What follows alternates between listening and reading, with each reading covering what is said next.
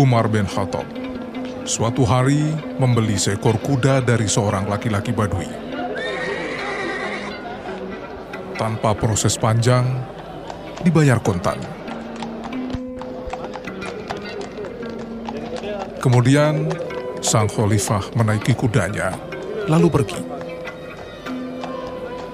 Tapi belum jauh mengendarai kuda, Umar bin Khattab mendapati kudanya luka dan menyebabkan terganggu ketika kuda itu berlari.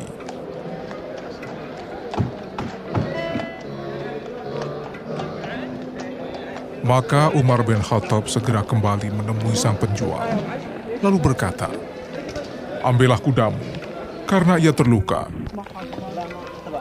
Maka orang itu menjawab, Aku tidak akan mengambilnya, karena aku telah menjualnya dalam keadaan sehat tanpa cacat sedikit pun. Umar bin Khattab berkata, Tunjuklah seorang hakim yang akan memutuskan perkara kita. Baik, yang akan menghakimi kita adalah Suraih bin Al-Harits Al-Kindi. Baik kalau begitu, aku setuju. Begitu, kata Umar bin Khattab.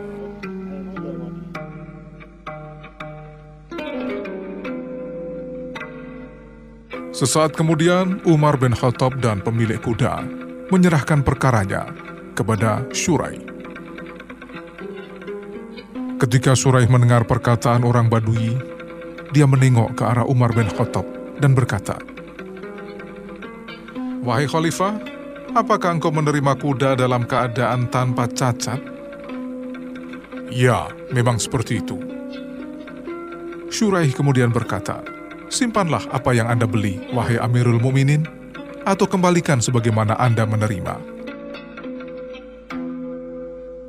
Maka Umar bin Khattab melihat kepada Syurai dengan kagum dan berkata, Beginilah seharusnya putusan itu.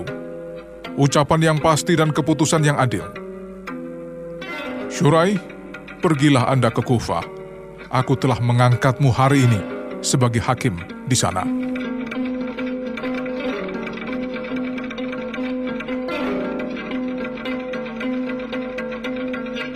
Pada saat diangkat sebagai hakim, Syuraih bin Al-Harits bukanlah seorang yang tidak dikenal oleh masyarakat Madinah.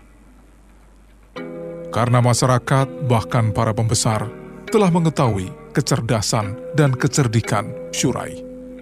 Akhlaknya yang mulia dan tentu saja pemahaman agamanya yang cukup mendalam.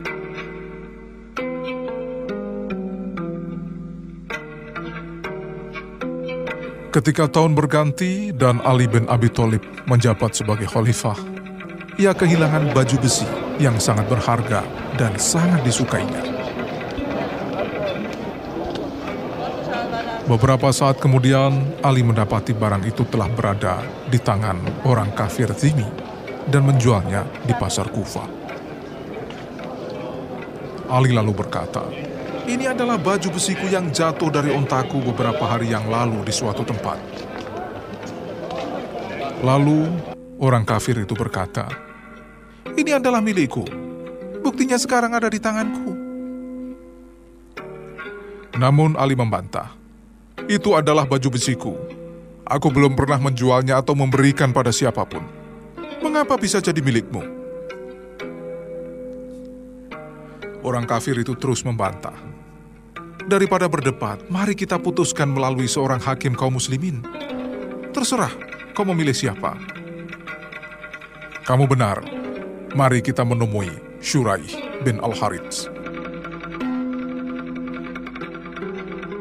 Ketika keduanya telah berada di tempat persidangan, Ali mengadu kepada Syurai. Aku telah menemukan baju besiku ini dibawa oleh orang ini Baju besi itu terjatuh dariku pada suatu malam di suatu tempat, dan kini telah berada di tangan orang ini tanpa melalui jual beli atau hibah. Surai kemudian bertanya kepada orang kafir itu, Apa jawabanmu pak terhadap pengaduan Ali bin Abi Thalib? Baju besi ini adalah milikku dan ia ada di tanganku, tapi aku tidak menuduh Amirul Mukminin berdusta maka Suraih menoleh ke arah Ali dan berkata, Aku tidak meragukan bahwa Anda adalah orang yang jujur dalam perkataan, wahai Amirul Mukminin, dan bahwa baju besi itu adalah milikmu. Akan tetapi Anda harus mendatangkan dua saksi yang akan bersaksi atas kebenaran apa yang Anda klaim saat ini. Baiklah, pembantuku Khanbar dan anakku Al-Hasan akan bersaksi untukku. Begitu jawab Ali bin Abu Thalib.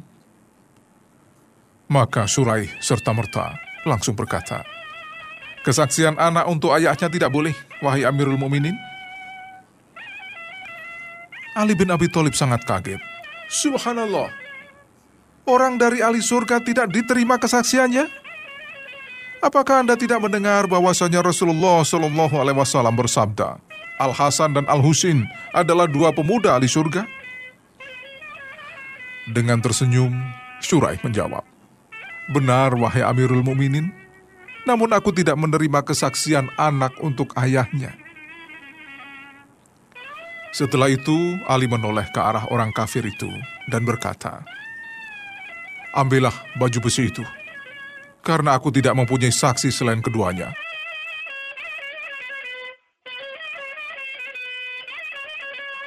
Tanpa disangka, kafir Zimi itu berkata, tapi aku bersaksi bahwa baju besi itu adalah milikmu, wahai Amirul Mukminin. Ya Allah, kenapa ada Amirul Mukminin menggugatku di hadapan hakim yang diangkatnya sendiri? Namun hakimnya malah memenangkan perkara aku terhadapnya. Aku bersaksi bahwa agama yang menyuruh ini pasti agama yang hak. Dan aku bersaksi bahwasanya tidak ada Tuhan yang berhak disembah kecuali Allah.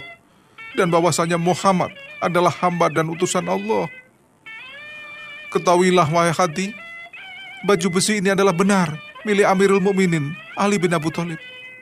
Aku mengikuti tentara yang sedang berangkat ke Sifin.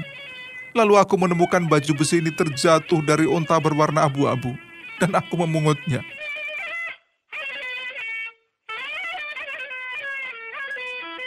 Maka Ali bin Abu Thalib mengampiri kafir jin itu, menjabat tangannya dan berkata, Saudaraku, karena engkau telah masuk Islam, maka aku menghibahkannya kepadamu baju besi ini, dan aku juga akan memberimu seekor kuda.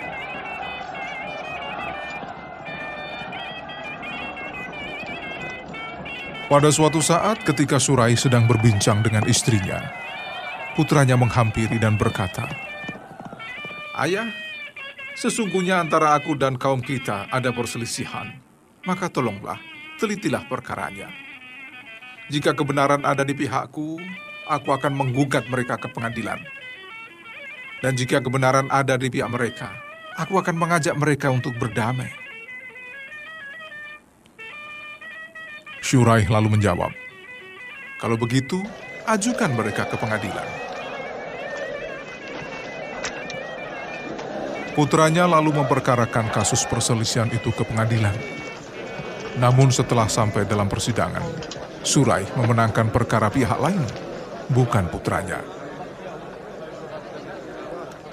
Ketika Surai dan putranya telah pulang ke rumah, dengan nada marah, putranya bertanya, Ayah, engkau telah mempermalukan aku.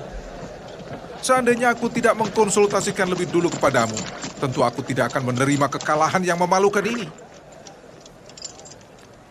Maka Surahi berkata, Anakku, sesungguhnya engkau memang lebih aku cintai daripada bumi dan seisinya. Tapi Allah Azza wa lebih mulia dan berharga bagiku daripada dirinya. Bila aku memberitahukan padamu bahwa kebenaran berada di pihak mereka, aku khawatir kau akan mengajak mereka berdamai, di mana hal itu akan menghilangkan sebagian hak mereka. Karenanya, Aku mengajak engkau ke pengadilan agar prosesnya adil.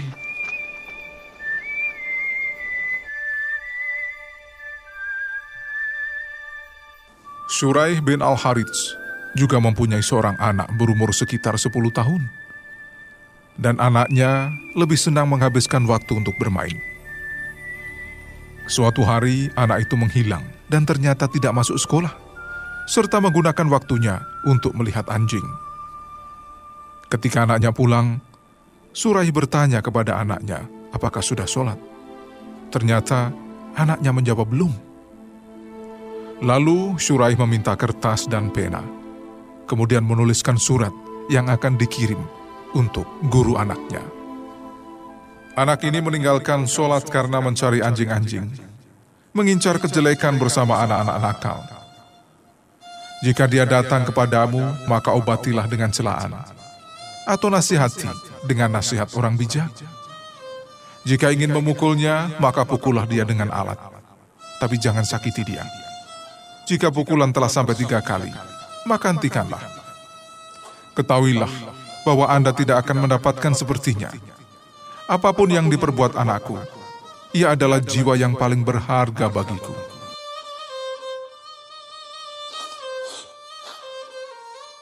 Waktu telah membuktikan kebenaran firasat Khalifah Umar bin Khattab ketika memilih Syurai bin Al-Harits sebagai hakim keadilan dan ketepatan tindakan serta putusannya tak pernah merugikan pihak lain. Syurai menjabat sebagai hakim sekitar 60 tahun berturut-turut tanpa putus. Pengakuan terhadap kapasitasnya dalam jabatan itu dilakukan secara silih berganti sejak dari pemerintahan Umar bin Khattab, Utsman bin Affan, Ali bin Abu Thalib, hingga Muawiyah. Bahkan keadilannya juga diakui oleh para khalifah Bani Umayyah. Hingga akhirnya, pada zaman pemerintahan Al-Hajjaz, Surai bin Al-Harits meminta dibebaskan dari jabatan hakim karena ia sudah sangat tua.